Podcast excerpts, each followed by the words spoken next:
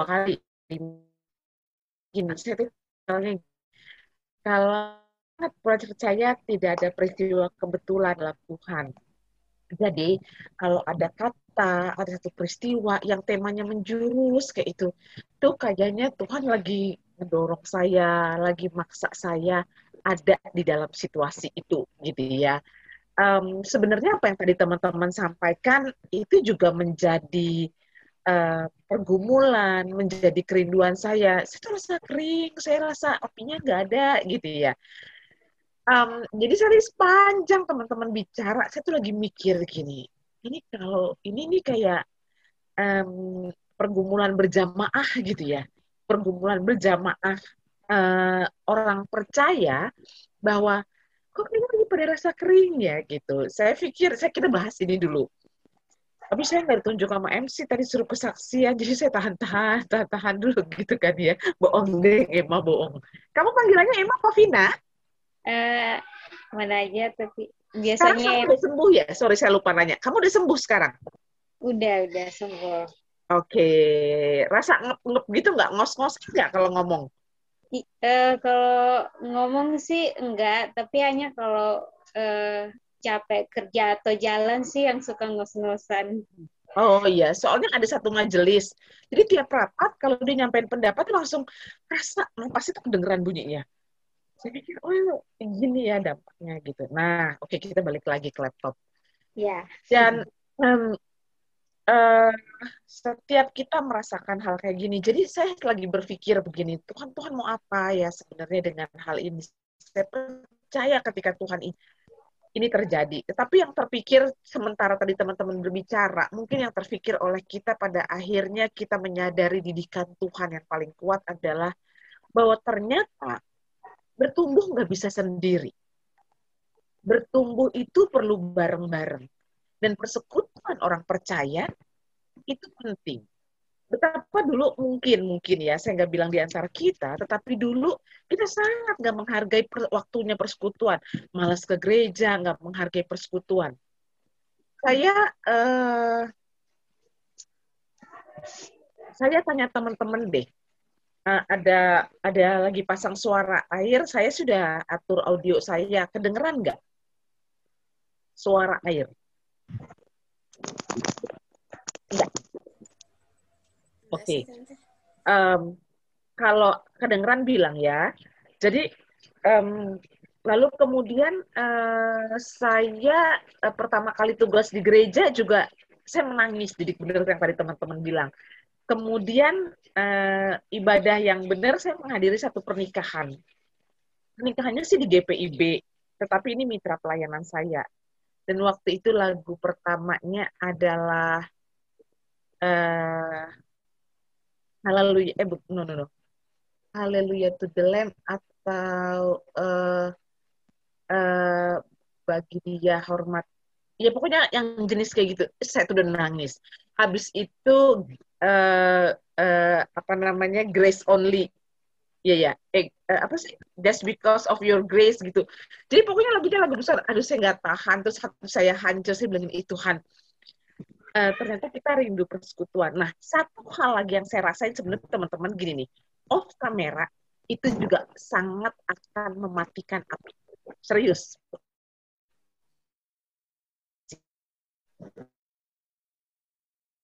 Berselingkuh lain. Misalnya kayak rapat gitu ya rapat MJ terus saya ngelipet-ngelipet baju lah sambil apa gitu. Nah hal seperti ini jadi buat saya situasi ini situasi yang diizinkan Allah tapi situasi ini juga si, si momentum yang si jahat pakai.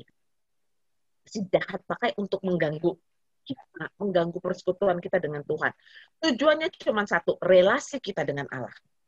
Tujuannya satu relasi kita dengan Allah gitu ya. Jadi uh, ya itu deh nanti nanti saya sambung lagi masalah ini. Tetapi artinya pergumulan ini menjadi pergumulan bersama tapi nanti kita lihat gimana cara Tuhan uh, menopang kita.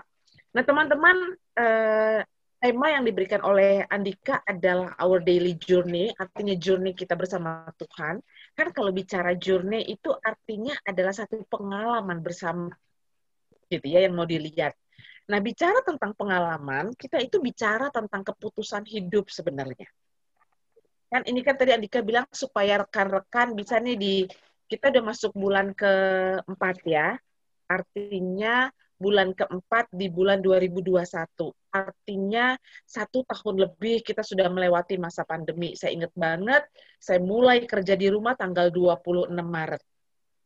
Jadi tanggal 26 Maret itu ada satu, terus kamu kemudian semua langsung begitu off kantor, kami semua langsung harus download Zoom karena tiap pagi kami harus bersekutu.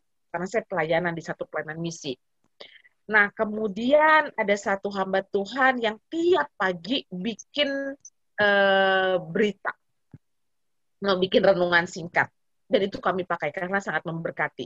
Tapi tahu nggak sekarang? Renungan itu dimulai dengan satu musik yang membawa saya kilas balik ke peristiwa awal pandemi. Dan saya mulai nggak suka. Lalu saya bilang sama teman saya gini, kok gue nggak suka ya dengan lagu renungan ini sekarang? kayaknya flashback hati gue waktu masa pandemi, masa resah, masa nggak enak, masa nggak takut gitu. Terus kata teman aku gini, sama aku juga mulai bosan sekali dengan lagu ini gitu. Jadi buat saya kayak ada enggak enggak tegak berdiri bersama dengan Tuhan. Sebentar ya, saya mau ambil cas dulu. Uh,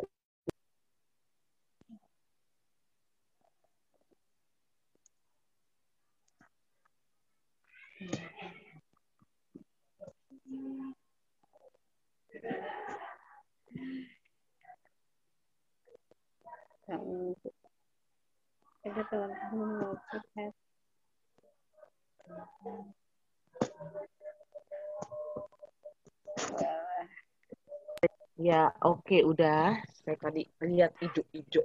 Tangannya mulai redup. Nah, teman-teman, bicara tentang journey berarti berbicara melihat ke belakang. Nah, berbicara melihat ke belakang berarti kita mau mengevaluasi keputusan-keputusan hidup kita. Karena kita mau melihat bagaimana keputusan kita yang sangat mempengaruhi. Salah satu tujuan yang Andika buat adalah bahwa keputusan kita sebenarnya akan menentukan pengalaman kehidupan kita di depan. Nah, saya mau ajak teman-teman belajar tentang ini. Nah, ketika saya mempersiapkan ini dalam minta maaf dalam waktu yang singkat karena memang dihubunginya agak mendadak, ada satu dan lain hal begitu. Uh, tetapi saya sangat percaya nggak ada peristiwa kebetulan dalam Tuhan. Jadi tadi saya waktu Andika kasih judul journey, saya bilang gini, ya gue belajar journey lagi hari ini, minggu ini. Karena saya belajar tentang journey generosity. Jadi bagaimana dalam uh, teman keputusan ini akan menentukan banyak hal. Jadi saya juga mau ajak teman-teman napak tilas beberapa tokoh sebenarnya akhirnya. Sebelum kita refleksi ke diri kita, kita napak tilas sebenarnya keputusan saya uh, di dalam seperempat ya seperempat atau sepertiga tahun ini sebenarnya udah on the track nggak sama Tuhan. Karena kalau on the track itu itu itu uh, baik. Tapi nggak kalau nggak on the track nah apa konsekuensi logisnya? Nah permasalahannya adalah kita orang percaya itu sering sekali dibekali dengan kata bahwa Allah maha kasih. Oh iya. Buat saya Allah memang maha kasih. Tetapi sebenarnya juga Allah yang mendidik kita dengan konsekuensi-konsekuensi logis sebenarnya. Ya jadi kita mau belajar dari beberapa toko. Saya udah dikasih share screen ya, Andika. Oke. Okay. Eh, ini udah kelihatan belum? Saya salah lagi. Share screen-nya belum. Belum.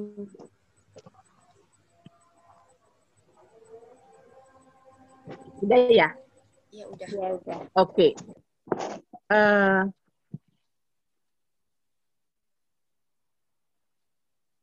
Iya, jadi kayak tadi saya bilang bahwa kita kalau kita mau melihat itu maka kita melihat satu refleksi hidup. Nah, ketika kita bicara satu refleksi hidup, kita akan bicara dengan keputusan-keputusan. Tadi eh, saya lupa namanya. Eh, siapa tadi teman kita ada yang kesaksian tentang eh, pindah ke Medan. Um, saya lihat namanya dulu deh. Tri. Tri, ya. Eh? Iya, iya. Ya, Tante. Tri. Tri ya, bukannya Try. Oke. Okay. Boleh. Oh iya, saya karena kan namanya pakai Y, jarang sekali Y, Oke. Okay. Nah, kita mau melihat keputusan-keputusan hidup kita gitu ya. Karena sebenarnya sayakah atau Allahkah Tuhan dari keputusan saya? Kan ketika kita mau bikin journey seperti itu, journey dengan Tuhan. Sebenarnya Tuhan kah atau Allah kah yang menentukan keputusan kita ketika kita ingin lakukan sesuatu. Mendahuluinya, eh, mari kita satu dalam doa, kita berdoa. Bapak dalam surga, kami mau belajar tentang eh, merefleksikan kembali kehidupan kami di dalam eh, bulan keempat yang Tuhan izinkan kami tahu kami rindu untuk karena buat Tuhan dan kami itu penting dan apa yang penting buat Tuhan pastinya itu juga penting buat kami dan kami mau memperbaiki relasi itu. Terima kasih ya Bapak sertai uh, pembelajaran pada sore hari ini dan supaya setiap kami mendapatkan berkat di dalamnya. Di dalam nama Tuhan Yesus kami berdoa. Amin.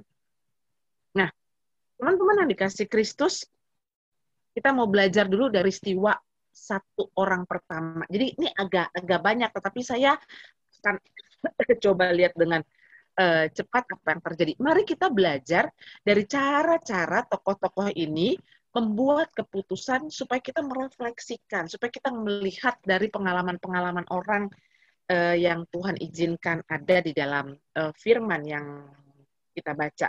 Mari buka kejadian 3 kita buka, kita sama-sama mau belajar saat ini. Kejadian 3 ayat 6.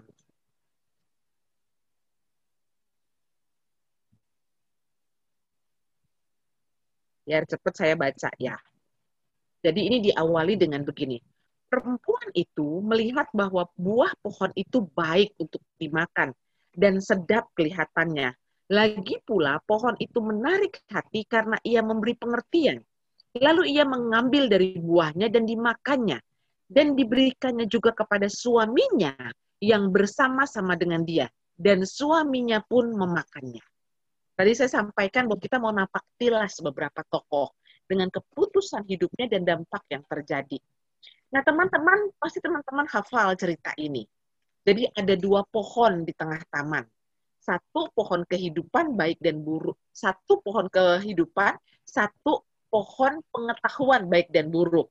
Saya ulangi ya, karena waktu kecil saya nggak belajar tentang dua pohon. Saya belajarnya satu pohon. Beberapa teman udah ngeh bahwa pohon yang dikhususkan ada dua. Ya Kesia ya, waktu harus menghafal cerita, Kesia udah saya kasih tahu. Jadi karena kita dulu guru sekolah minggu saya, deh, bukan kita. Guru sekolah minggu saya hanya ngasih tahu ada pohon pengetahuan baik dan buruk. Jadi saya nggak sempat buka, teman-teman lihat aja nanti di kejadian 12 kalau nggak salah. Jadi pohon khususnya ada dua. Yang pertama, pohon pengetahuan baik dan buruk. Kata Tuhan gini kepada manusia yang diciptakan. Kamu tidak boleh makan pohon itu. Karena kalau kamu makan, kamu akan mati. Itu pohon pengetahuan baik dan buruk. Pohon yang kedua adalah pohon kehidupan. Yang kata Tuhan, kalau kamu makan, maka kamu akan hidup selama-lamanya. Jelas, Tuhan bilang semua pohon buahnya boleh kamu makan. Tapi pohon yang di tengah taman tidak boleh kamu makan. Lalu ular bilang gini, eh numpang tanya deh. Kata Tuhan kamu nggak boleh makan ya? Eh nggak boleh sentuh. Oh enggak, boleh makan. Kalau kami makan, kami mati. Terus iblis, ular itu mulai bilang gini, enggak, kamu gak akan mati. Kamu akan jadi sama seperti Tuhan. Lalu makan. Mak. Dan saat itu firman Tuhan bilang mereka tahu mereka telanjang. Manusia mulai mengenal. Pertanyaannya gini, sebenarnya tadinya mereka telanjang apa enggak sih? Firman Tuhan nggak kasih tahu. Tapi yang jelas saat itu mereka sadar mereka telanjang. Kan dulu fantasinya kita segini, mereka pakai baju, mereka pakai baju, terus tiba-tiba baju kebuka. Itu fantasi saya waktu kecil loh ya. Gitu. Tapi kita nggak tahu. Tapi yang jelas mereka sadar mereka telanjang. Lalu mereka menutupi tubuh mereka dengan daun, kata Tuhan. Eh, kata firman Tuhan. Mereka menutupi tubuh mereka dengan daun. Nah, teman-teman, kita mau lihat nih dampaknya. Mari buka kejadian 3, 3 ayat 14 dan 19. Eh, sampai 19. Eh, sorry. Kejadian 3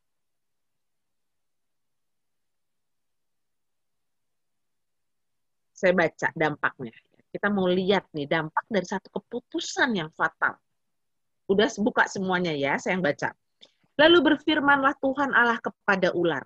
Karena engkau berbuat demikian, terkutuklah engkau di antara segala ternak dan di antara segala binatang hutan. Dengan perut mula engkau akan menjalar, dan demut tanahlah akan kau makan seumur hidupmu. Itu kepada ular. Aku akan mengadakan permusuhan antara engkau dan perempuan ini, antara keturunanmu dan keturunannya. Keturunannya akan meremukkan kepalamu dan engkau akan meremukkan tumitnya. Kejadian 3 ayat 15 menjadi awal nubuatan Tuhan akan adanya juru selamat. Lalu yang ke-16 firman Tuhan kepada perempuan, Susah payahmu waktu mengandung akan kubuat sangat banyak. Dengan kesakitan engkau akan melahirkan anakmu, namun engkau akan birahi kepada suamimu dan ia akan berkuasa atasmu. Lalu ayat 17 katanya kepada manusia itu. Di sini belum ada istilah laki-laki. Kepada manusia itu. Karena engkau mendengarkan perkataan istrimu dan memakan dari buah pohon yang telah kuperintahkan, kepadamu, jangan makan daripadanya, maka terkutuklah tanah karena engkau dengan bersusah payah engkau akan mencari rezeki dari tanah seumur hidupmu. Lalu 18 mengatakan, semak duri dan rumput duri yang akan dihasilkan dan tumbuh-tumbuhan di padang akan menjadi makananmu.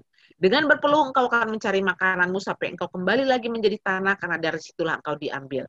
Dan oleh sebab sebab engkau debu dan engkau akan menjadi kepada debu.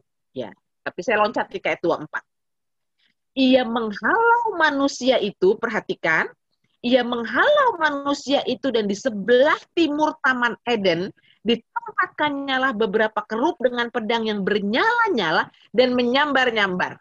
Perhatikan kalimat berikutnya untuk menjaga untuk menjaga jalan, jalan ke pohon kehidupan. Jalan ke pohon kehidupan. ini ada beberapa orang sih yang udah udah udah cukup katam nih untuk perikop ini ya Kesia ya. Dulu kita dibilang dia dihukum. Dihukum. Dihukumnya apa? Bukan melahirkan. Dihukumnya apa? Engkau bersusah payah. Dan kemudian diusir. Dan ini nggak bilang diusir, ia menghalau. Jadi bagian keluar dari taman bukan merupakan penghukuman.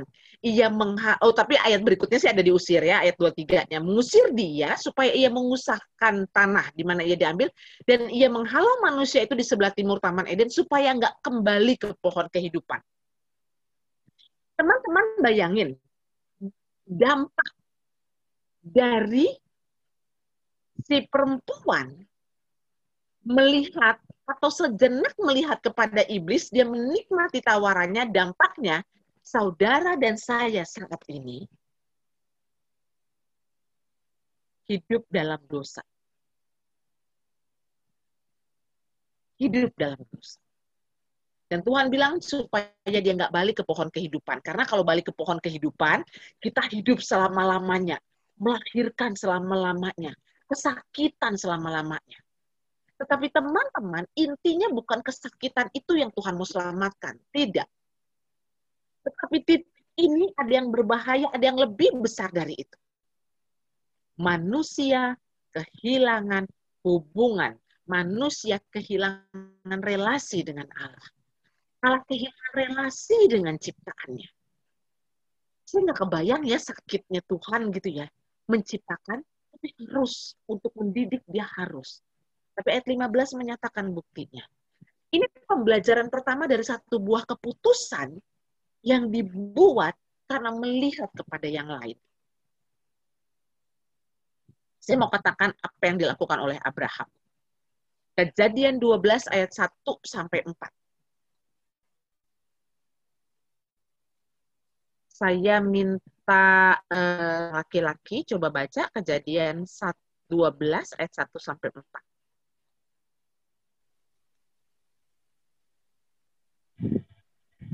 Kejadian 12 ayat 1 sampai ke 4. Abram, pergilah dari negerimu dan dari saudaramu dan dari rumah bapamu ini ke negeri yang akan kutunjukkan kepadamu.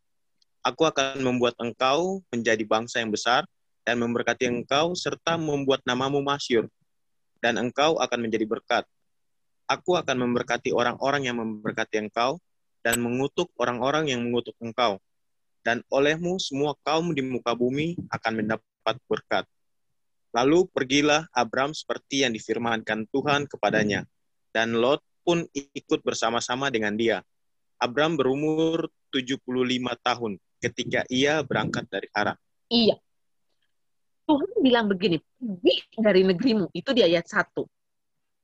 Lalu ayat 4 mengatakan, lalu pergilah Abraham.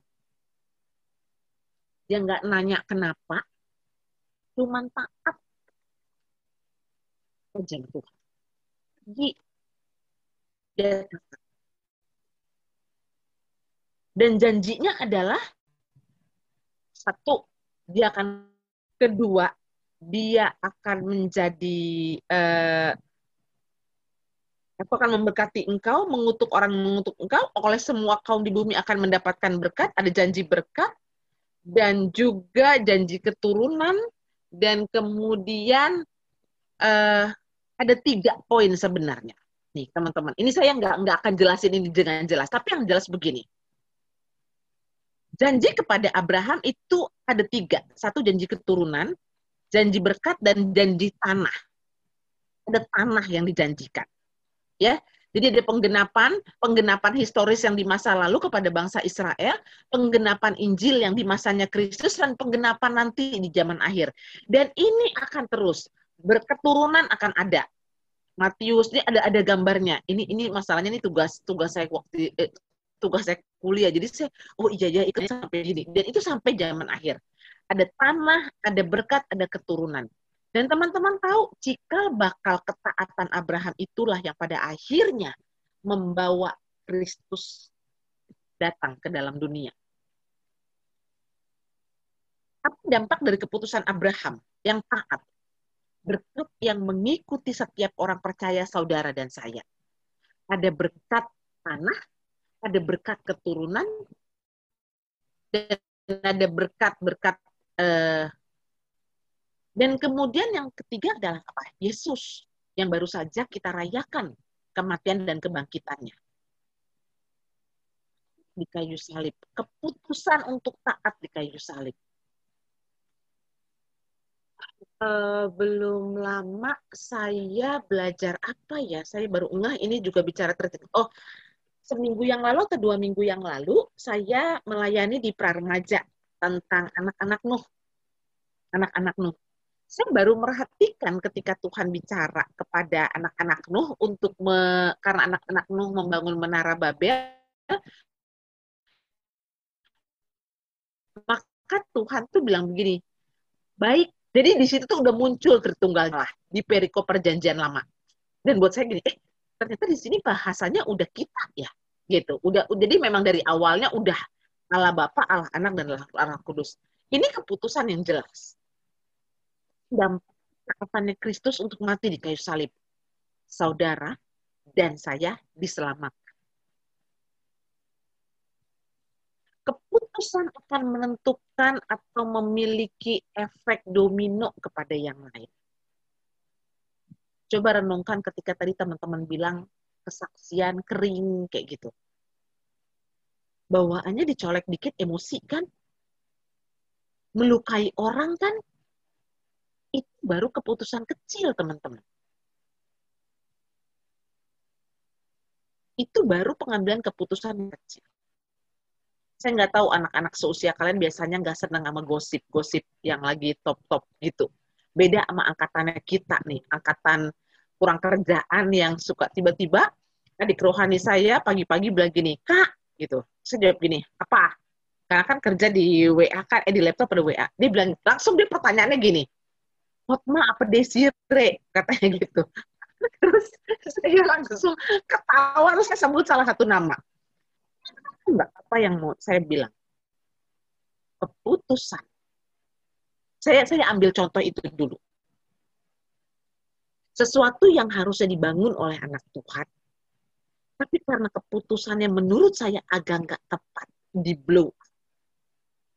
Waduh, itu dampaknya keras Kali kalau nggak di blow up bisa berdamai. Ya udah di blow up juga bisa berdamai, tetapi dampaknya besar sekali. Belajar dari hal seperti ini. Yesus taat di kayu salib. Keputusan itu menyelamatkan saudara dan saya. Saya ambil lagi satu. Paulus. Paulus di sidang Yerusalem. Keputusannya Paulus itu luar biasa. Paulus ini lagi di sidang, teman-teman ya. Kita baca dari kisah para rasul. Kalau yang ini teman-teman eh, baca kisah para rasul ayat 8 sampai 11.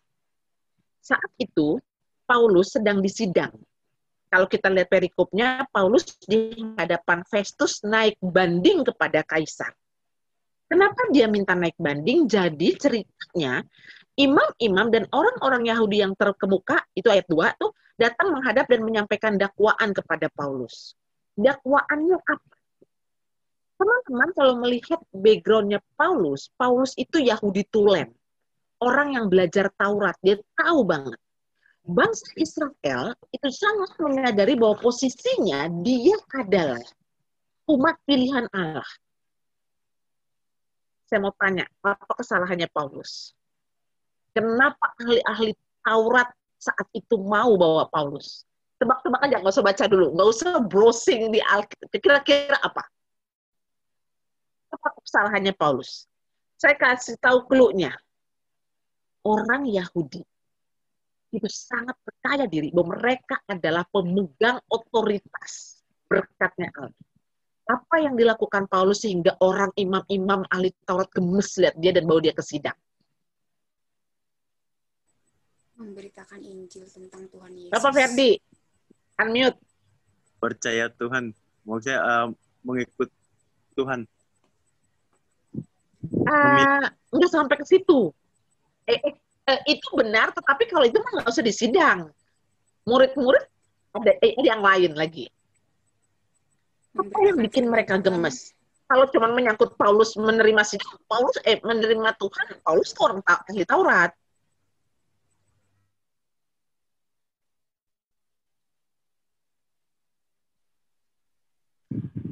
Ini menyangkut sesuatu yang dianggap oleh orang Israel hak prerogatifnya orang Israel. Oke, saya kasih tahu. Sidang karena Paulus orang Yahudi.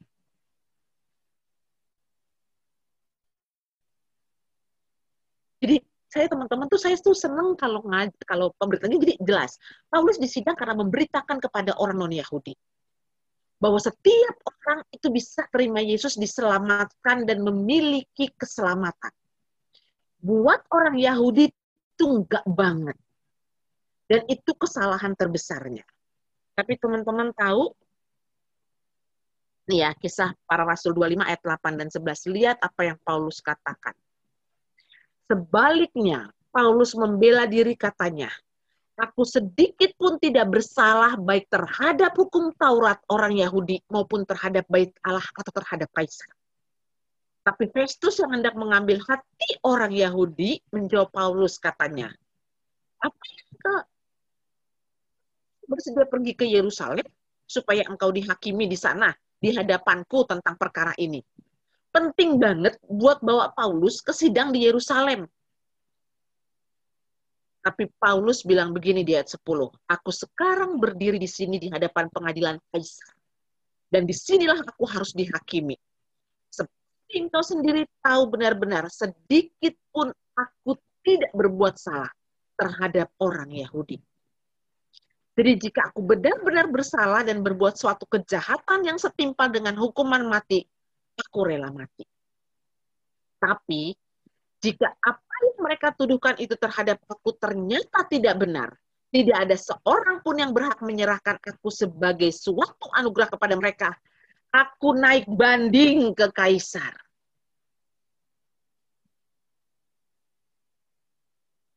Hebat ya. Hebat. Pengadilan ini sebenarnya udah pengadilan lebih tinggi dibandingin kalau dia bawa ke Yerusalem. Lu mau nih gue bawa lagi aja ke Yerusalem biar lu disidang sama mereka. Enggak, katanya. Aku udah di sini. Aku buktikan aku tidak bersalah terhadap hukum Taurat, terhadap Yahudi, dan terhadap Kaisar.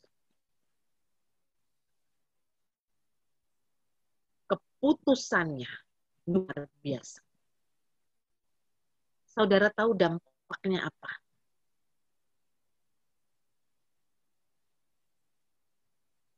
Kira-kira dampaknya apa? Ini momentum banget ya apa yang dilakukan Paulus.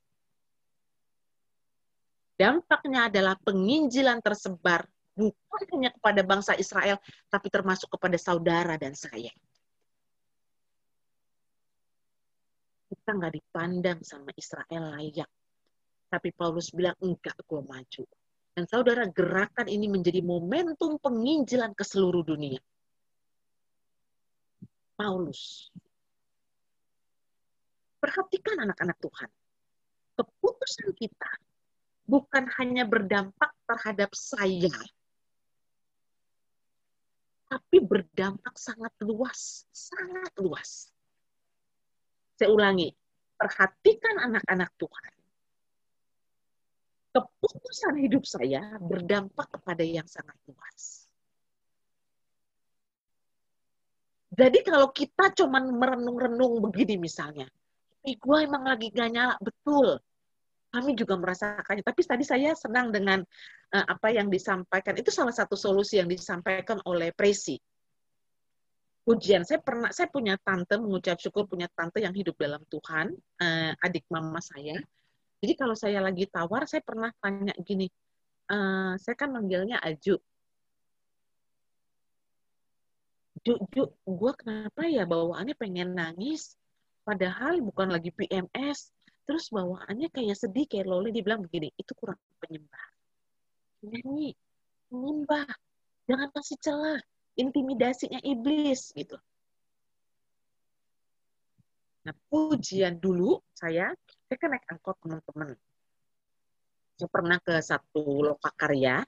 Di satu lokakarya itu, eh, ada satu petani how do you feel your thank? How do you feel your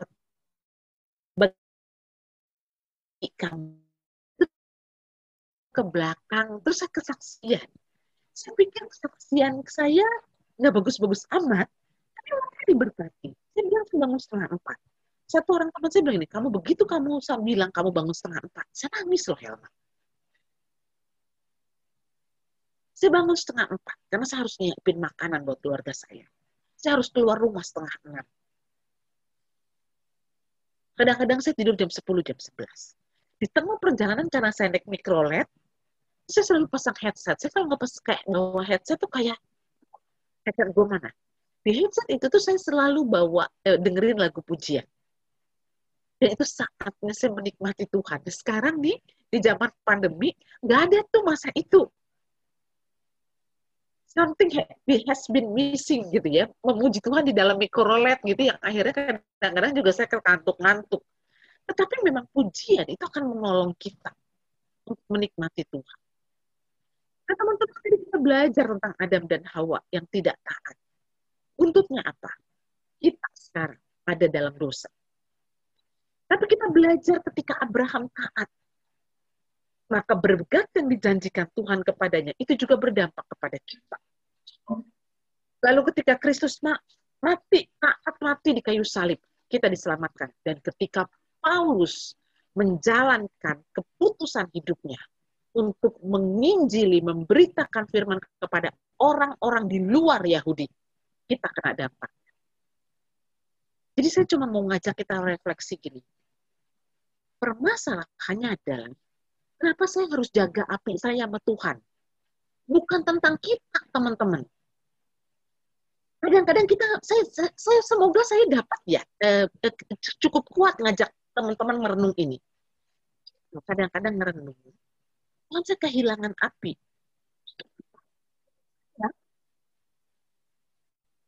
kehilangan dengan Tuhan.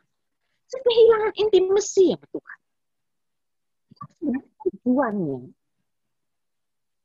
Beyond that intimacy kita sama Tuhan.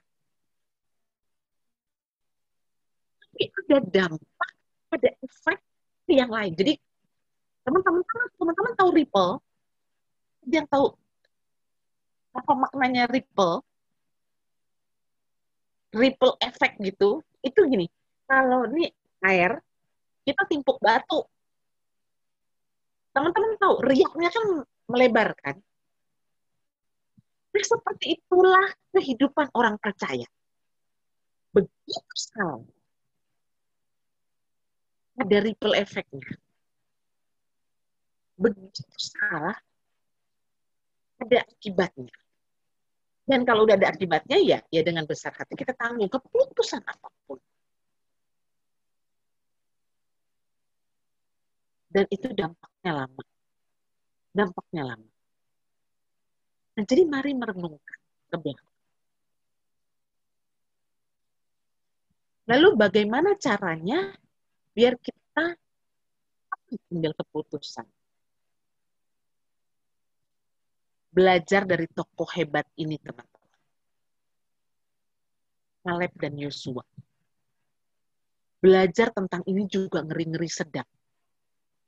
Ini ngeri-ngeri sedap bang. Jadi di bilangan 14, bilangan 14, hmm, bilangan 14 ayat 8 sampai 9 ayat 8 sampai 9 saya bacain. Kan ini kan tentang 12 pengintai. Yang sepuluhnya takut kan. Terus dia bilang gini, jika Tuhan berkenan kepada kita, oh kita lihat ayat 11-nya, eh tunggu deh ya. Ayat 6-nya tuh, tetapi Yosua bin Nun dan Kalun karena yang 10 orang laporinnya serem-serem, ngeri-ngeri kita nggak bakal dapat, dia sampai nangis enggak, termasuk orang-orang yang telah mengintai negeri itu mengoyakkan pakaiannya. Kalau orang sekarang bilang saking gemesnya dengan berita yang enggak enggak banget buat dia, dia mengoyakkan dan dia berkata kepada segenap umat Israel, jika Tuhan berkenan kepada kita, maka kita masuk negeri itu dan akan memberikannya kepada kita suatu negeri yang berlimpah-limpah susu dan madunya. Makanya, dilihat ayat sembilannya. Jangan memberontak pada Tuhan dan jangan takut kepada negeri itu sebab mereka akan kita telan habis. Yang mereka lindungi sudah meninggalkan kita, sedang Tuhan menyertai kita. Jadi apa rahasianya supaya kita on track sama Tuhan? Jangan memberontak kepada Tuhan. Kan saya nggak memberontak sama Tuhan, saya nggak nggak nyembah berhala, saya nggak kedukun, saya nggak pakai nggak percaya sio, saya nggak percaya bintang, saya nggak pernah berontak terhadap Tuhan. Permasalahannya kadang-kadang perbuatan baik kita pun nggak kita bawa kepada Tuhan.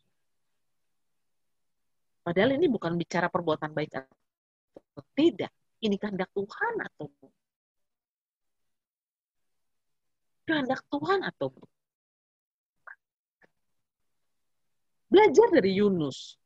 Yunus itu bukan yang gak mau Tuhan. Dia nggak mau Dia mau ke tempat lain. Asal jangan ini way. Kenapa? Ini aja kepada bangsa Israel dia pakai ukurannya. Tentang aku. Itu orangnya kok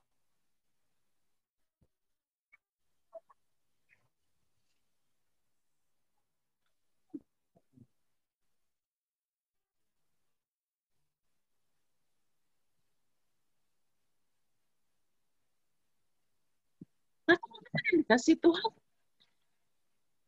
kita lihat dampaknya.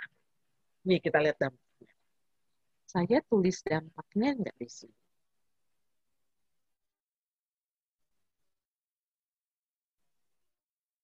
Ini ceritanya ini panjang. Tuhan murka, Musa masih ngerayu Tuhan. Katanya gini, jangan, gimana? Bahwa orangnya Allahnya Israel, Allah yang berkuasa. Kalau kamu hukum mereka nggak masuk, nanti mereka bingung. Kuasa. Ih, buat saya gini, Gus, kali ya.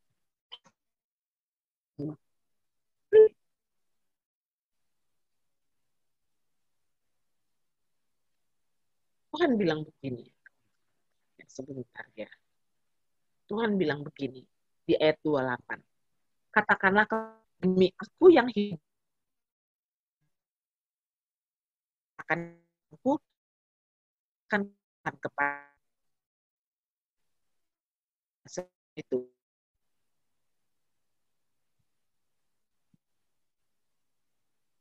Oke, ayat 20 Tuhan bilang begini. Setelah Musa rayu, dia bilang begini. Berfirmanlah Tuhan, aku mengampuninya, mengampuni bangsa Israel sesuai dengan permintaanmu. Mu di sini Musa. Hanya demi aku yang hidup dan kemuliaan Tuhan memenuhi kemuliaanku dan tanda mujizat yang kuperbuat di Mesir dan di padang gurun. Namun telah sepuluh kali, bayangin Tuhan bilang sepuluh kali, pentingnya banget buat Tuhan sepuluh kali mencobai aku dan tidak mau mendengarkan suaraku, pastilah tidak akan melihat negeri yang kujanjikan kepada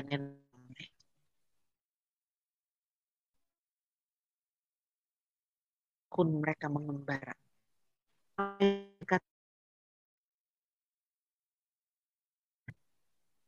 ya dari Mesir. Ke mana Pak? Mesir, negeri yang Tuhan kasih. Terus ketika anak-anaknya kepala laparan, papanya bilang gini, sabar, ada negeri. Papanya juga kesel, tapi anaknya bilang, Pak kapan sampainya? Besok. Sampai anaknya dewasa mereka bilang, tenang. Tanahnya udah Tuhan janjikan. Lalu kata Tuhan yang sepuluh kali, pastinya lebih dari sepuluh, sepuluh kali mencobai aku. Tidak akan masuk.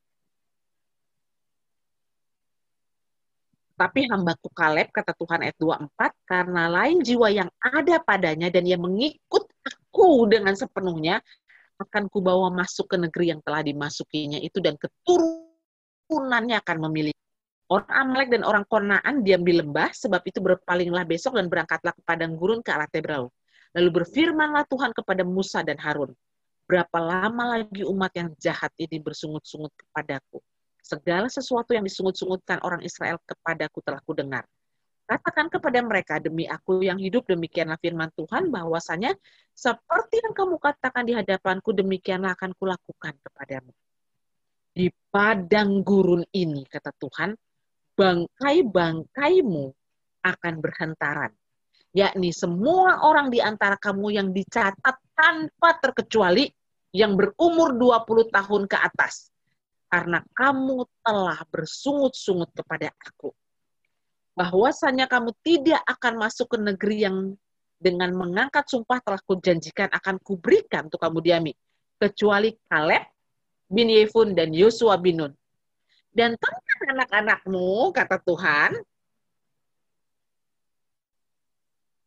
mereka akan menjadi tawanan. Bawa masuk, ya, masuk di tawanan masuk ke tanah yang Tuhan janjikan. Dari tawanan dulu. Supaya mereka mengenal negeri yang kamu hinakan itu. Tetapi mengenai kamu, bangkai-bangkaimu akan berbantaran di padang gurun ini, dan anak-anakmu akan mengembara sebagai penggembala di padang gurun 40 tahun lamanya, dan akan menanggung akibat ketidaksetiaan sampai bangkai-bangkaimu habis di padang gurun. Sesuai dengan jumlah hari kamu mengintai, jadi mengintanya itu 40 hari, satu hari dihitung satu tahun. Jadi 40 tahun lamanya kamu harus menanggung kesalahanmu supaya kamu kita dulu cuma di tahun 40 tahun di di, di terus 40 tahun di Kanaan, 40 tahun di padang gurun gitu kan ya. Tapi teman-teman tahu kenapa ada 40 tahun terakhir? 40 hari pengintaian, terus hasilnya mengecewakan Tuhan, bukannya bersuka cita glory dengan tanah yang Tuhan beri dua. Kata Tuhan,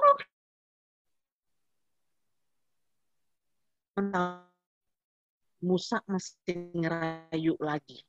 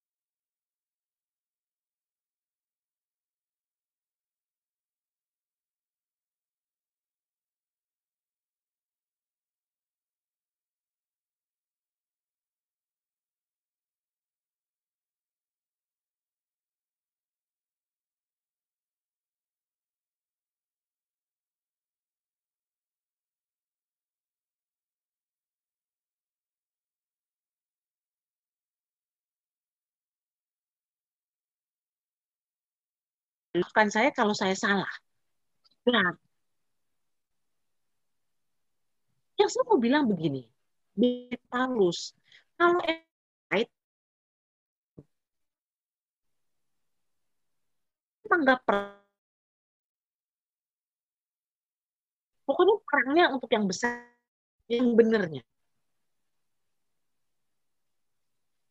Dan ini ini rasanya pergumulan pergumulan ada ada. Jadi gini loh. Enggak, jangan dijamin. Kita harus keras nggak bisa kata Tuhan. Hanya kelemah lembutan yang bisa mengalahkan kegeraman. Nggak pernah ada nasehatnya gini. Kegeraman lawan dengan kegeraman. Nggak ada. Saya lebih baik tersiksa. Karena saya melakukan firman daripada saya tenang sesaat. Tapi saya lawan teorinya Tuhan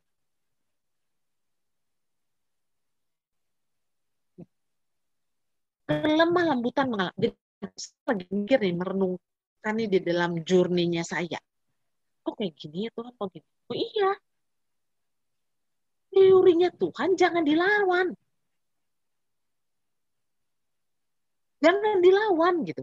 Saya cukup bergumul dengan karena kami sedang pergantian pengurus di lembaga kami dan saya cukup beradaptasi dengan pimpinan baru dan ada hal-hal yang kami harus adjust tapi prinsipnya saya gini, oke, okay, gue nggak boleh fight sama hal teknis. Tapi kalau prinsipnya Allah, teorinya Tuhan dilanggar, baru gue ngomong.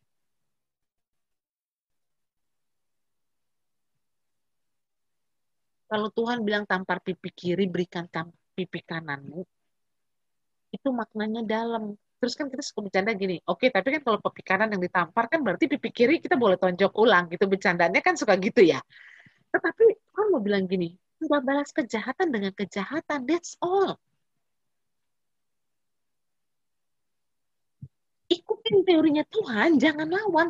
Sekecil apa pun, dampaknya gede. Dan memulihkannya lama. Ini sedang perundungan pribadi loh menyampaikan hal ini.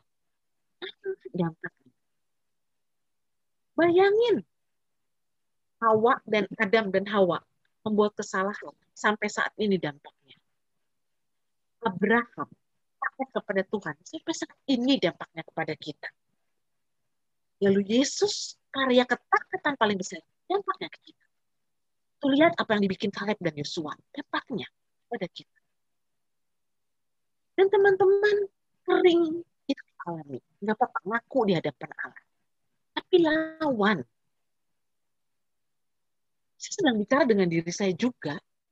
Karena semua lagi alami hal ini sekarang.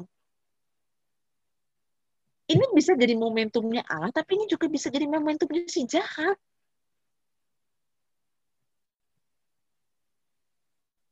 Saya bilang sama teman saya, eh gila ya masa ini kayak masa penampian.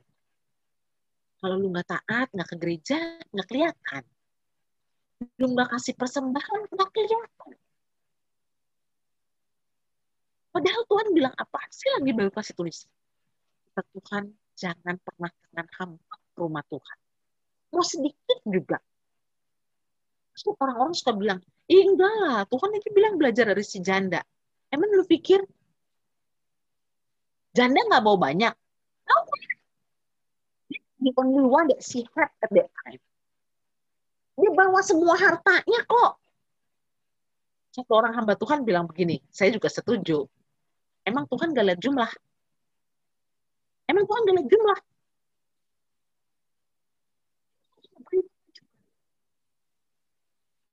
Kata Tuhan, di mana hartamu berada, di situ hatimu berada.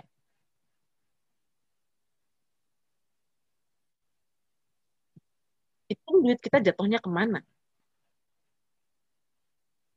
Balance taat dengan Tuhan. Apa yang menjadi milik Tuhan, kasih kepada Tuhan. Pahami ya ketika saya bilang tuh teman-teman paham ya waktu saya bilang emang Tuhan gak lihat jumlah? Paham kan? Lihat jumlah nggak ada tuh ayat si janda miskin. Tahu nggak si janda miskin ngasihnya apa? Yang dia punya. Kamu berada di situ hatimu berada. Anak-anak saya bilang gini mama kalau kami punya uang kami boleh nggak melihara anjing? Boleh. Tapi kalau biaya anjing lebih besar dari perpuluhanmu minimal kepada Tuhan dan kepada sesama, jangan bilang cinta Tuhan. Jangan. Nah, jadi artinya cari kebenaran, lakukanlah firman Tuhan dalam segala hal, termasuk memberikan persembahan kah, beribadah kah, berbuat baik kah, berdoa, berjuang. Kita sama-sama berjuang. Sama-sama berjuang. Karena kalau enggak, ya apalagi kayak gini, kayaknya kematian deket banget, kita nggak tahu nih sebentar lagi. Saya mau tanya deh, Emma, Emma waktu kena COVID, mikir mati enggak? Mikir enggak?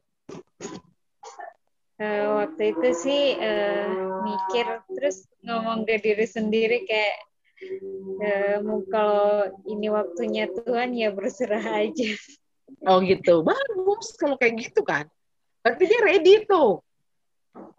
Cuma kalau kita masih menyimpan satu hal yang membuat kita takut, tapi tetap ingat teman-teman, Allah God is so good for us. God is so good to us Pernah nggak ngalamin begini? Lagi kering, terus tiba-tiba Tuhan tahu aja bikin apinya kita nyala. Lagi nggak bisa. Saya kemarin sambil nyuci piring nangis cuman gara-gara satu lagu. Lagu ini sebenarnya ada beberapa kali udah diputar. Tapi um, lagunya kata-katanya bagus banget. Uh, lagunya tentang gini, I know a man who can. Judulnya I know a man who can.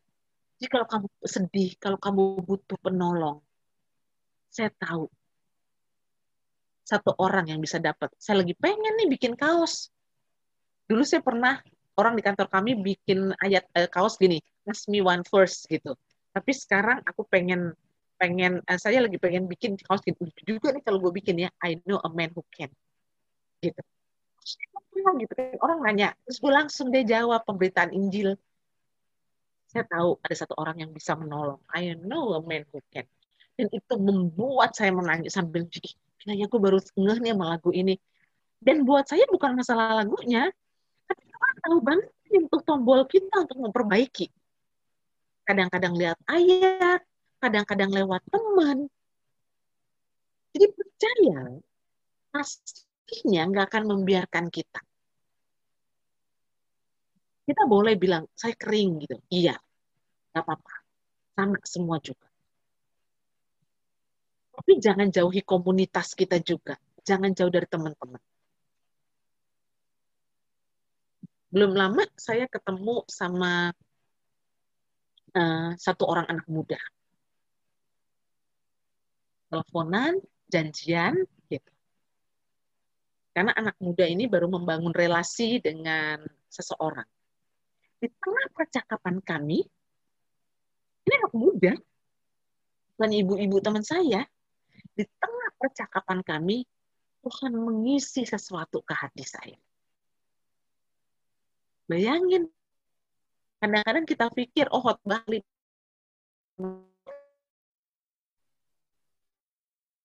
Tuhan sayang banget. Ya hati-hati begitu rasa kering tetap dekat tetap nempel. Teman-teman tahu ada satu orang pendeta satu orang pendeta yang pindah menjadi mualaf. Dan dia dipakai sama sana dan dia pernah menjadi guru. Saya sedih lihatnya juga. Uh, sampai suatu ketika saya ketemu sama uh, salah satu anaknya Tanu Sudibo teman pelayanan saya. Dia bilang begini dia panggil saya tante memang. Tante tante tahu nggak?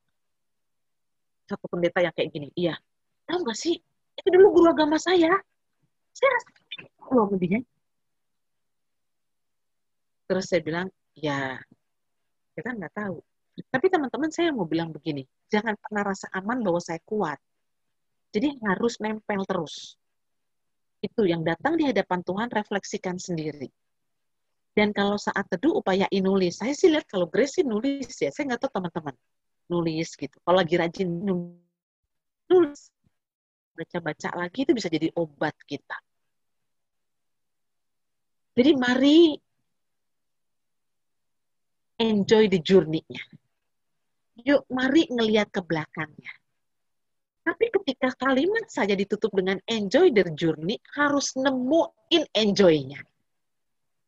Harus nemuin pengalamannya dengan Tuhan. Jadi, sering-sering sharing ketika apinya muncul. Misalnya Kesia bilang gini, misal contoh, Pres, gue mau cerita deh. Ih, gue terharu banget. Gila ya. Tuhan baik banget sama gue. Gue lagi kayak gini-gini. Kasih ayat kayak gini. Ampun, gue nangis. Ini dibiasain nih kayak begini. Kesaksian sukacitanya orang, saya itu cerewet. Saya seneng cerita. Kalau saya udah ketemu kayak begini, nih situasi yang begini, banyak orang yang saya kontak. Eh, di sini enggak dari semua, enggak ada hmm, siapa yang disi borong-borong guys ya? Mustika. Nah, iya, dia kami tuh pernah satu tim doa panitia Natal. Jadi saya kalau dapat berkat tuh saya suka sebar ke mereka juga salah satunya karena saya nggak tahan. Ya sebenarnya sih Tuhan tahan perjumpaannya dengan Tuhan saya dengan teman saya gitu kami belum lama karena hmm, ada pertemuan uh, tentang bertemu dengan satu komunitas kecil funding satu bapak-bapak uh, dia mengumpulkan orang jadi kayak pemuritan jadi anak-anak pemuritannya dia kumpulin untuk support penerjemahan jadi dia, dia bilang nah di antara obrol-obrol dengan dia terus saya sama teman-teman saya bilang gini bu bu gitu ibu ngerasa kayak retret nggak sih pertemuan ini? Saya bilang ini, iya, gue juga rasa kayak retret. Dari tadi tuh gue ketika tutup off kamera, gue sebenarnya ambil tisu, gue lap air mata. Gue bilang gitu. Saya mau bilang apa? Tuhan tahu banget yang tutup tombol kita. So don't worry. Kalau kita mulai ke belakang, refleksi, tapi biasakan juga, boleh bilang kering ke teman-teman, tapi biasakan juga mengisi, menyaksikan sukacitanya dengan Tuhan. Karena kadang-kadang kesaksian kita itu jawaban ataupun kebutuhan dari teman kita juga. Ya, jadi kalau tadi um, temanya kita balik lagi ke depan, our daily journey harus ditutup dengan enjoy the journey with God. Harus nemuin. Dan belajar nemuinnya juga nggak standar. Ini anak-anak Tuhan yang rajin KTB, saat teduh, programnya pemuda banyak sekali. Dan itu bagus. Makanya saya agak nggak mendukung, minta maaf ya, tapi kalau teman-teman mau nggak apa-apa juga. Karena kadang-kadang ada orang yang pemalu. Tetapi ciri anak Tuhan adalah kalau dia dapat berkat, dia mau keluar nggak tahan untuk nggak cerita tentang Tuhan. Jadi kalau saya, saya agak nggak dukung kesaksian ditunjuk-tunjuk. um, ntar makna kesaksiannya tuh enggak wow gitu loh. Tapi teman-teman nggak boleh diem kalau emang mau cerita tentang Tuhan. Kalau perlu sebelum hari Sabtu bilang gini, siapa sih MC hari Sabtu? Eh, gue mau kesaksian ya hari Sabtu. Langsung bilang kayak gitu. Itu beda banget. Sesuatu yang emang ingin diceritakan itu harus menjadi ciri khas anak Tuhan senang bercerita tentang Tuhan. Ya, ini hanya masukan aja. Supaya yang namanya kesaksian emang apinya kerasa. Semangatnya kerasa. Gitu. Ya baik anak-anak pemuda, so how about your daily journey?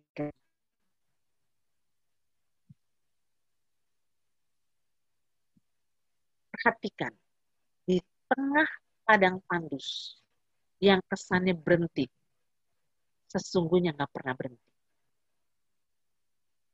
Saya ulangin ya. Di tengah padang tandus yang kesannya uh, berhenti. Itu nggak pernah berhenti. Tuhan nggak pernah berhenti.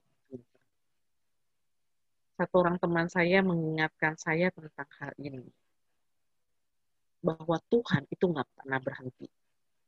Ada banyak hal yang menjadi bukti di tengah segala. Tetapi apa yang menjadi rahasianya? Maju. Gitu ya, maju. Um, oh, ada di sini. Maju.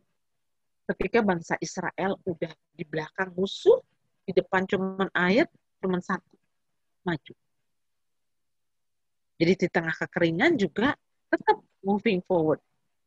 Nggak diem ya. Jadi mari ketika kita merenungkan bukan hanya kekeringannya, tapi ngelihat titik-titik Tuhannya. Dan ingat, kalau saya bilang gini, teman-teman tetap harus pelihara hubungannya sama Tuhan. Kenapa? Bukan masalahnya supaya kita seger di dalam Tuhan. Terlalu egois dan terlalu rendah kalau kita punya motivasi kayak gitu. Tapi karena kalau kita nggak punya relasi sama Tuhan, maka tindakan kita bisa salah. Dan ketika tindakan kita salah, bukan menjadi tindakan yang Tuhan mau, dampaknya terlalu besar. Ripple efeknya itu terlalu besar. Contohnya udah banyak. Ya kan? Nggak usah jauh-jauh. Coba mari menungkan Di titik mana saya ambil keputusan atau sikap yang nggak sesuai sama teorinya Alkitab. Ngebetulinnya ya ampun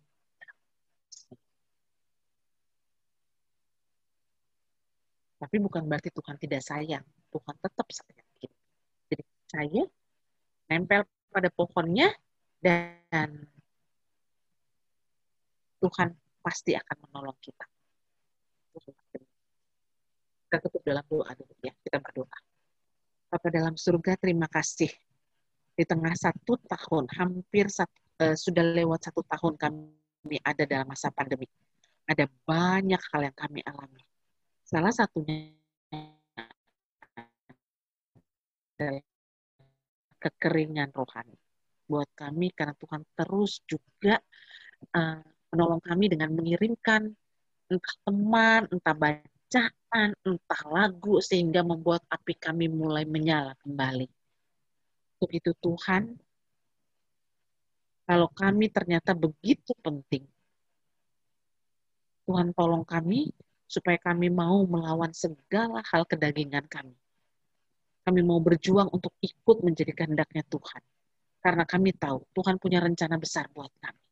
Sehingga ketika keputusan kami salah, maka dampaknya pun bukan hanya kepada kami, tetapi kepada seputar kami. Jadi ring satu, ring dua, atau makin melebar lebih luas. Ampuni kami kalau kami pernah lakukan hal itu.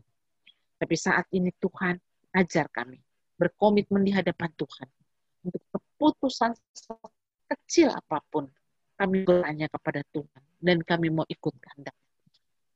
Terima kasih Bapak. Di dalam nama Tuhan Yesus kami berdoa. Amin. Uh, saya tanya Emma, ada tanya jawab apa enggak? Uh, untuk tanya jawab ada. Oh, Oke, okay, silakan. Uh, untuk teman-teman apa mungkin ada yang mau bertanya atau ada yang mau sharing atau apa? Mungkin ada dapat in, sedikit impact dari tadi khotbahnya mungkin. Tante aku mau nanya. Silakan. Uh, sebenarnya ini pertanyaan yang apa uh, tadi udah Kapri sampai um,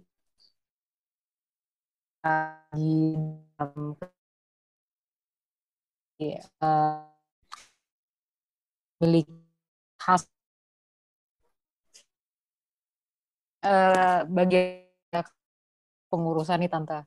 Kayak sebaiknya kita kayak menarik diri dulu beberapa waktu atau gimana atau tetap melakukan saat itu juga gitu tante. Karena kan maksudnya kalau di bagian aku itu kan terus berjalan tuh tante. Kayak tiap hari terus berjalan gitu sebaiknya gimana gitu? Tetap paksain atau menarik diri dulu gitu, Tante? Saya mau bilang retret adalah hal rohani. Retret hal rohani. tetapi nggak berhenti lama juga ya Casey ya. Artinya nggak berhenti lama dengan uh, dengan artinya uh, satu periode gitu, enggak juga. Jadi misalnya gue seminggu ini off dulu ya gitu, mau apa namanya uh, recovery dengan Tuhan gitu. Saya kemarin minggu ini itu menjadi pergumulannya kami. Saya teleponan sama temen nangis hanya karena kami butuh retret. Terus chatnya ada dan itu kita nangis terus sampai akhirnya buka mata gini lihat mata gue jelek banget aduh wah banget ya bengkak banget gitu karena kami saking butuh retreat lu butuh retreat ya gitu. Bukannya cuma terkumpul. Itu kita pembicara sampai bilang ini sini aja ya sini sini. Pakai pembicara boleh. Baca satu perikop terus pelajari apa tentang Tuhan terus refleksikan ke diri sendiri terus memuji Tuhan dengan baik. Ih kebayang banget. Retret itu hal yang roh sebenarnya. Dan itu yang pergumulan tante ibu-ibu nih ibu-ibu yang suka mikirin piring lah mikirin nyuci kayak gitu. Jadi um, capek banget gitu. Tetapi retret itu hal rohani banget. Sangat rohani. Jadi itu baik. Tapi bener retret. Jadi artinya duduk diam di kaki Tuhan, nyanyi, dengerin Alkitab, eh, baca Alkitab gitu. Tapi misalnya cuman staycation biasa, terus jalan gitu, enggak. Malah takutnya, di, maksudnya gini loh, kadang-kadang saya selalu bilang gini, saya sangat percaya bahwa setiap orang, setiap anak Tuhan, itu kayak firman Tuhan bilang, iblis mengaum-ngaum dan mengintai. Jadi setiap momentum dijadiin jadi misalnya gini, kita lagi retret aja dia bisa bilang gini, udah lu saatnya lu kapan lagi nonton gitu kan. Kapan lagi nonton, kapan lagi ini. Nah, jadi kalau emang kayak gitu ya udah ambil retret diam sabbatical dengan Tuhan. Uh, ya seminggu cuman uh, ya kalau bisa juga nggak usah belajar doa juga. Boleh nonton nonton film tetapi uh, mungkin film rohani atau film umum tapi tetap kaitannya uh, keep relationship dengan Tuhan gitu. Relationship dengan Tuhan.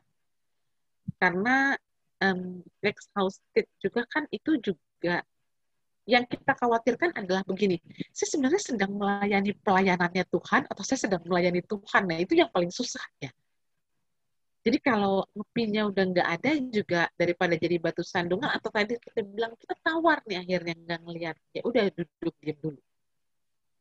Duduk diam di kakinya Tuhan. Tapi nggak lama juga. Karena nanti keasikan. Eh enak juga ternyata nggak jadi pengurus ya. Terus gue nggak usah jadi pengurus lagi gitu. Nah itu juga bahaya. Itu bahaya. Tapi biasanya anak-anak Tuhan nggak suka juga kayak gitu. Tuhan akan gelisahkan Gitu. Dia punya cara tersendiri sih untuk menarik kita, untuk bikin kita nangis gitu ya. Gitu ya Casey ya? ya. Oke Tante, terima kasih. Oke, makasih Case. Mungkin ada yang mau bertanya lagi?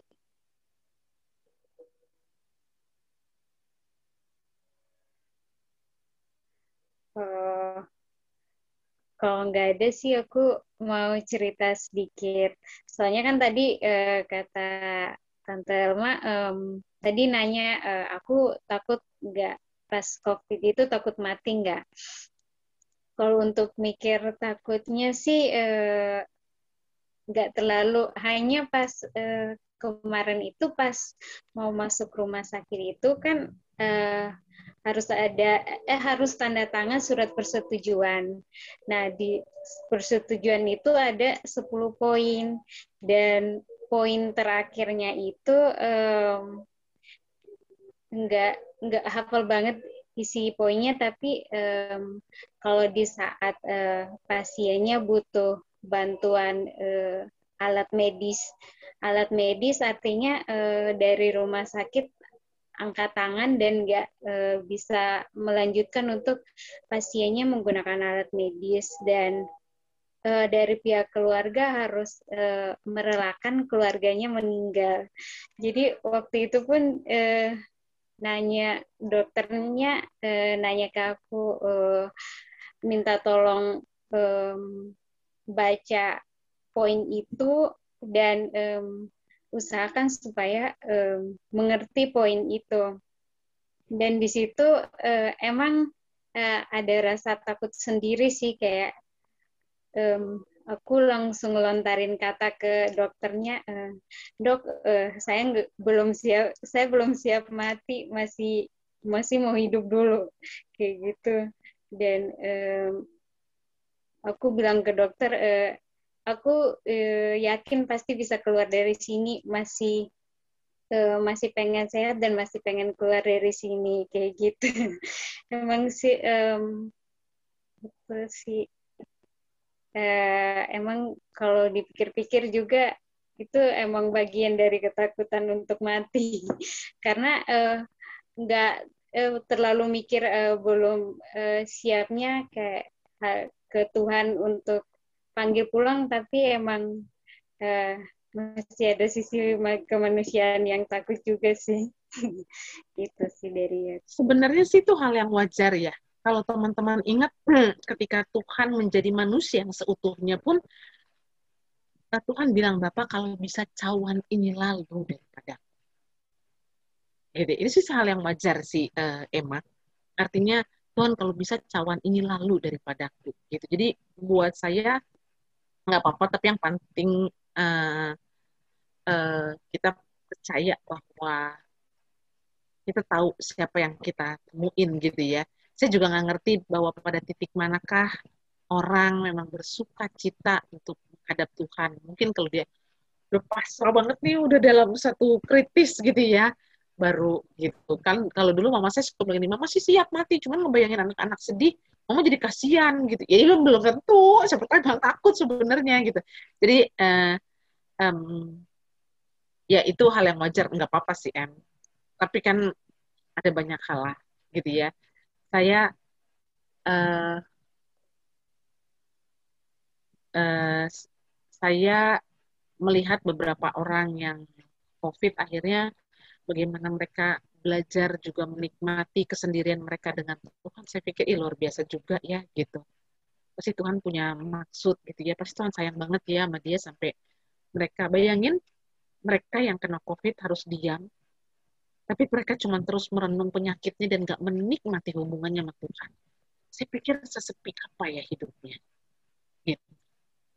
Sesepi apa hidupnya. Dalam minggu ini, uh, waktu saya lagi ikut Journey Generosity, saya dengerin satu khotbah, ada orang bilang begini, sebenarnya waktu Tuhan di kayu salib menjelang kematiannya, semua dia punya. Dia bisa turun, semua dia punya tapi ada satu yang dia nggak punya.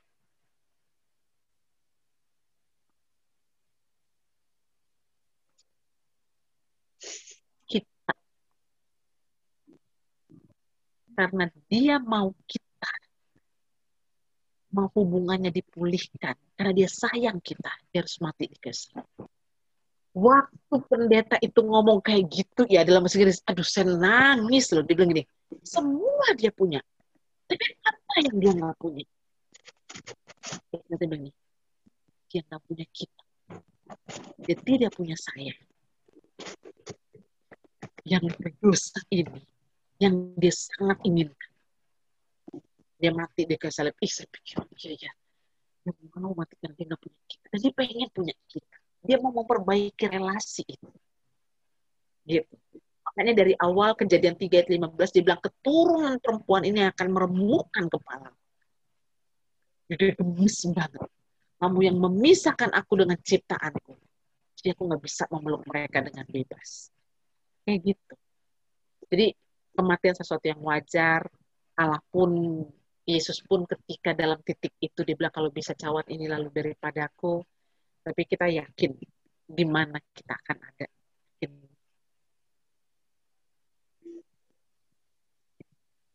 dan mengucap syukur ya setiap orang kali yang udah kena covid lewat kayak dapat kehidupan kedua kali ya rasanya.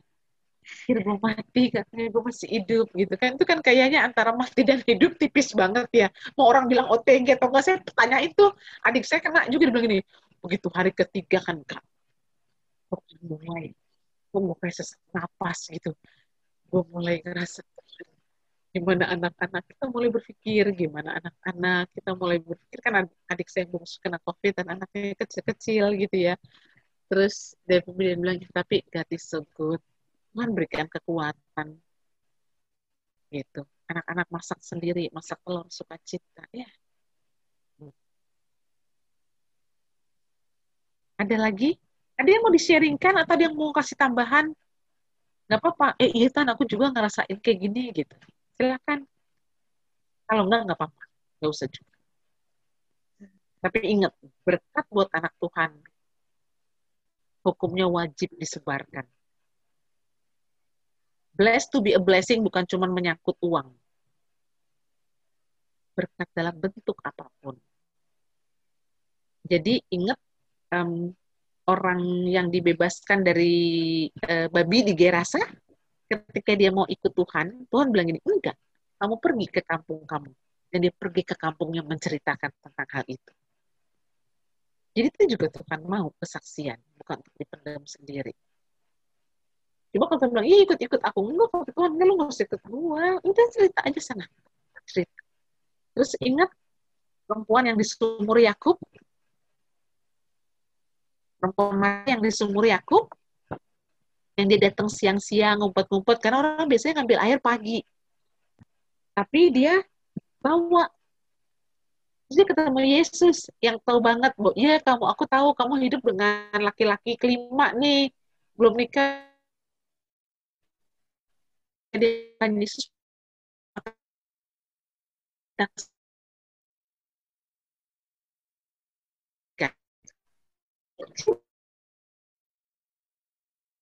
itu mengikuti orang percaya.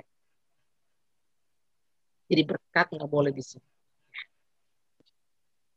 Ya, silakan kalau ada yang nanya lagi. Eh, teman-teman ada yang mau nanya apa mau sharing?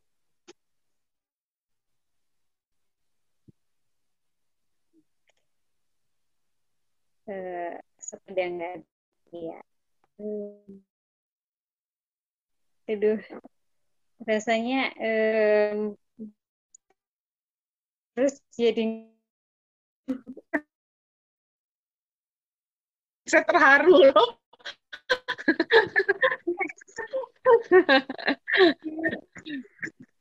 Soalnya uh, apa ya kesaksiannya itu jadi uh, tadi tuh aku tersentuh sama um, sharing yang tentang anak-anak tentu mau pelihara anjing tapi itu tentu larang karena um, kalau misalkan kasih untuk Tuhan harus lebih kok eh, kalau ke anjingnya lebih uh, mendingan nggak usah harus untuk Tuhan yang lebih. Iya.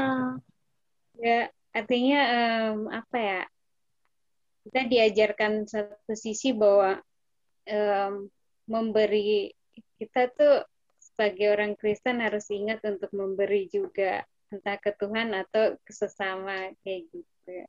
Iya. Karena kata Tuhan di mana hartamu berada, di situ hatimu berada. Nanti itu agak emosi jiwa dong anjing. Kayaknya begitu. Nggak ya? Tapi gini, nonton TV, Terus ada orang yang pengumpul anjing jalanan, terus diwawancarai. Dia bilang ini, iya kasihan, oh dia butuh hidup, dia ditelantarkan di tengah jalan. Emosi jadinya.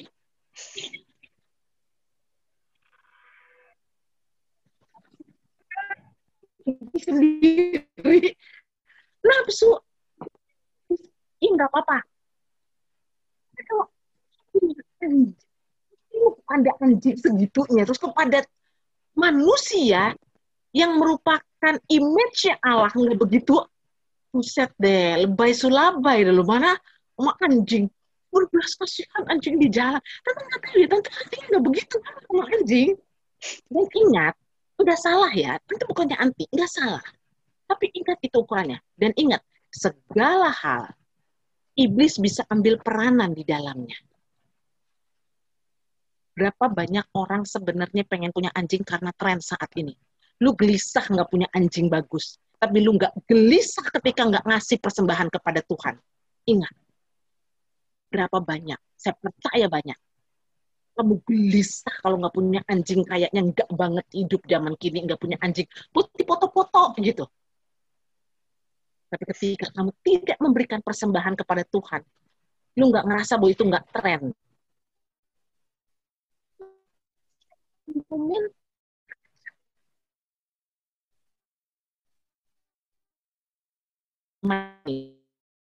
berhala adik-adik.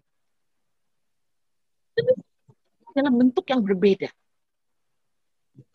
Berapa banyak kalian yang sebenarnya ini semua muda nggak ada yang nangis anjing tapi nggak beli nggak punya gitu ya. Kalau ada kayak gitu bertobatlah dan kembali pada bapak gue cariin anjing kalau cuman itu.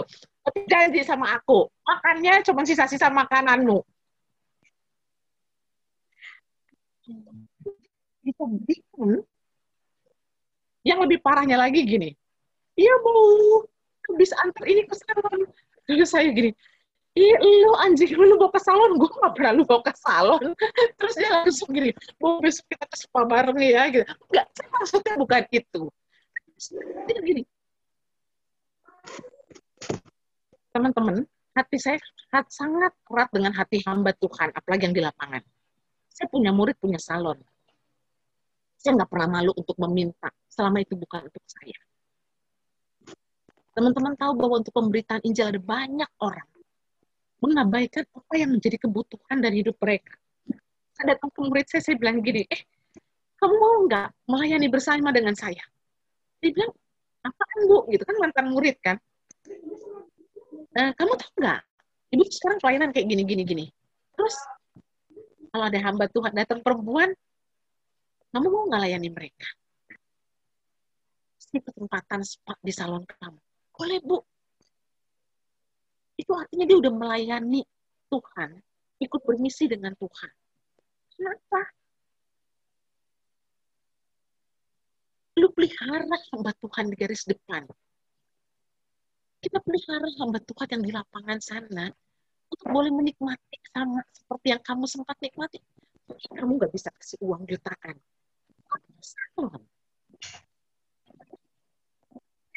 Kalau untuk liburan, pilih dia memelihara murid-murid Yesus. Ini yang udah kerja. Dan kali tante tunggu telepon kamu bilang gini, Tan, kalau ada misionaris dari lapangan yang datang, gue mau ajak makan malam ya. Jangan ajak makan malam nasi uduk. Gak usah. Ini makanan yang mereka nggak bisa nikmati. Izinkan mereka melihat, oh Tuhan nggak ngutang mereka. Izinkan mereka melihat banyak anak Tuhan yang luar biasa yang mau menyenangkan mereka dan anak-anak mereka. Kalau kalian punya anak kecil, kasih tahu ya, biar aku kasih ke kidsania.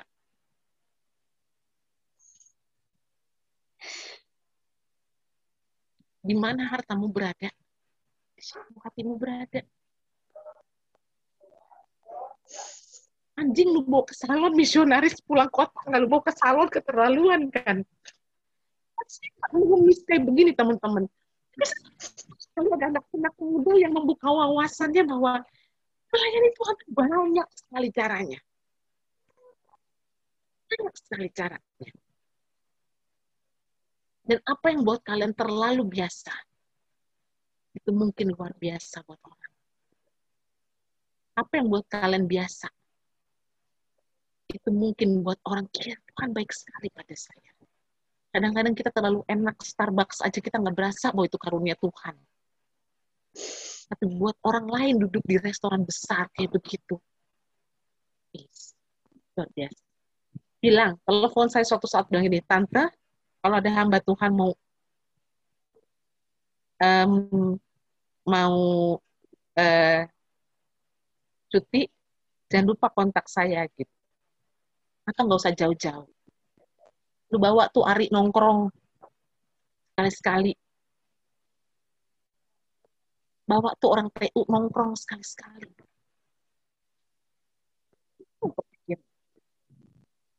ambil waktu dengan mereka yang tidak diperhitungkan orang. Jangan nasi uduk. Restoran yang nggak mungkin mereka keluar uangnya. Oh ya, Journey with God ya? Kok jadi ke sini?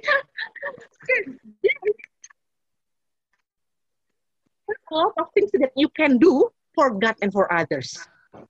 Ya, gitu.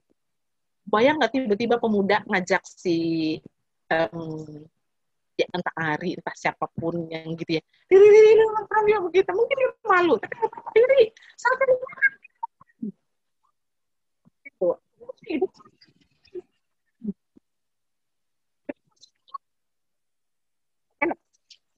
Kalau ada beberapa teman-teman yang mengasihi orang-orang gitu ya ketika di ulang tahun dibeliin yang yang mungkin dia nggak berani beli gitu. Saya sih mengucap syukur juga untuk anak-anak. Saya juga dengar bagaimana hal terjadi di pemuda dan saya bersyukur untuk itu. Saya ikut orang yang ikut masuk dengan hal yang ditempuh oleh muda.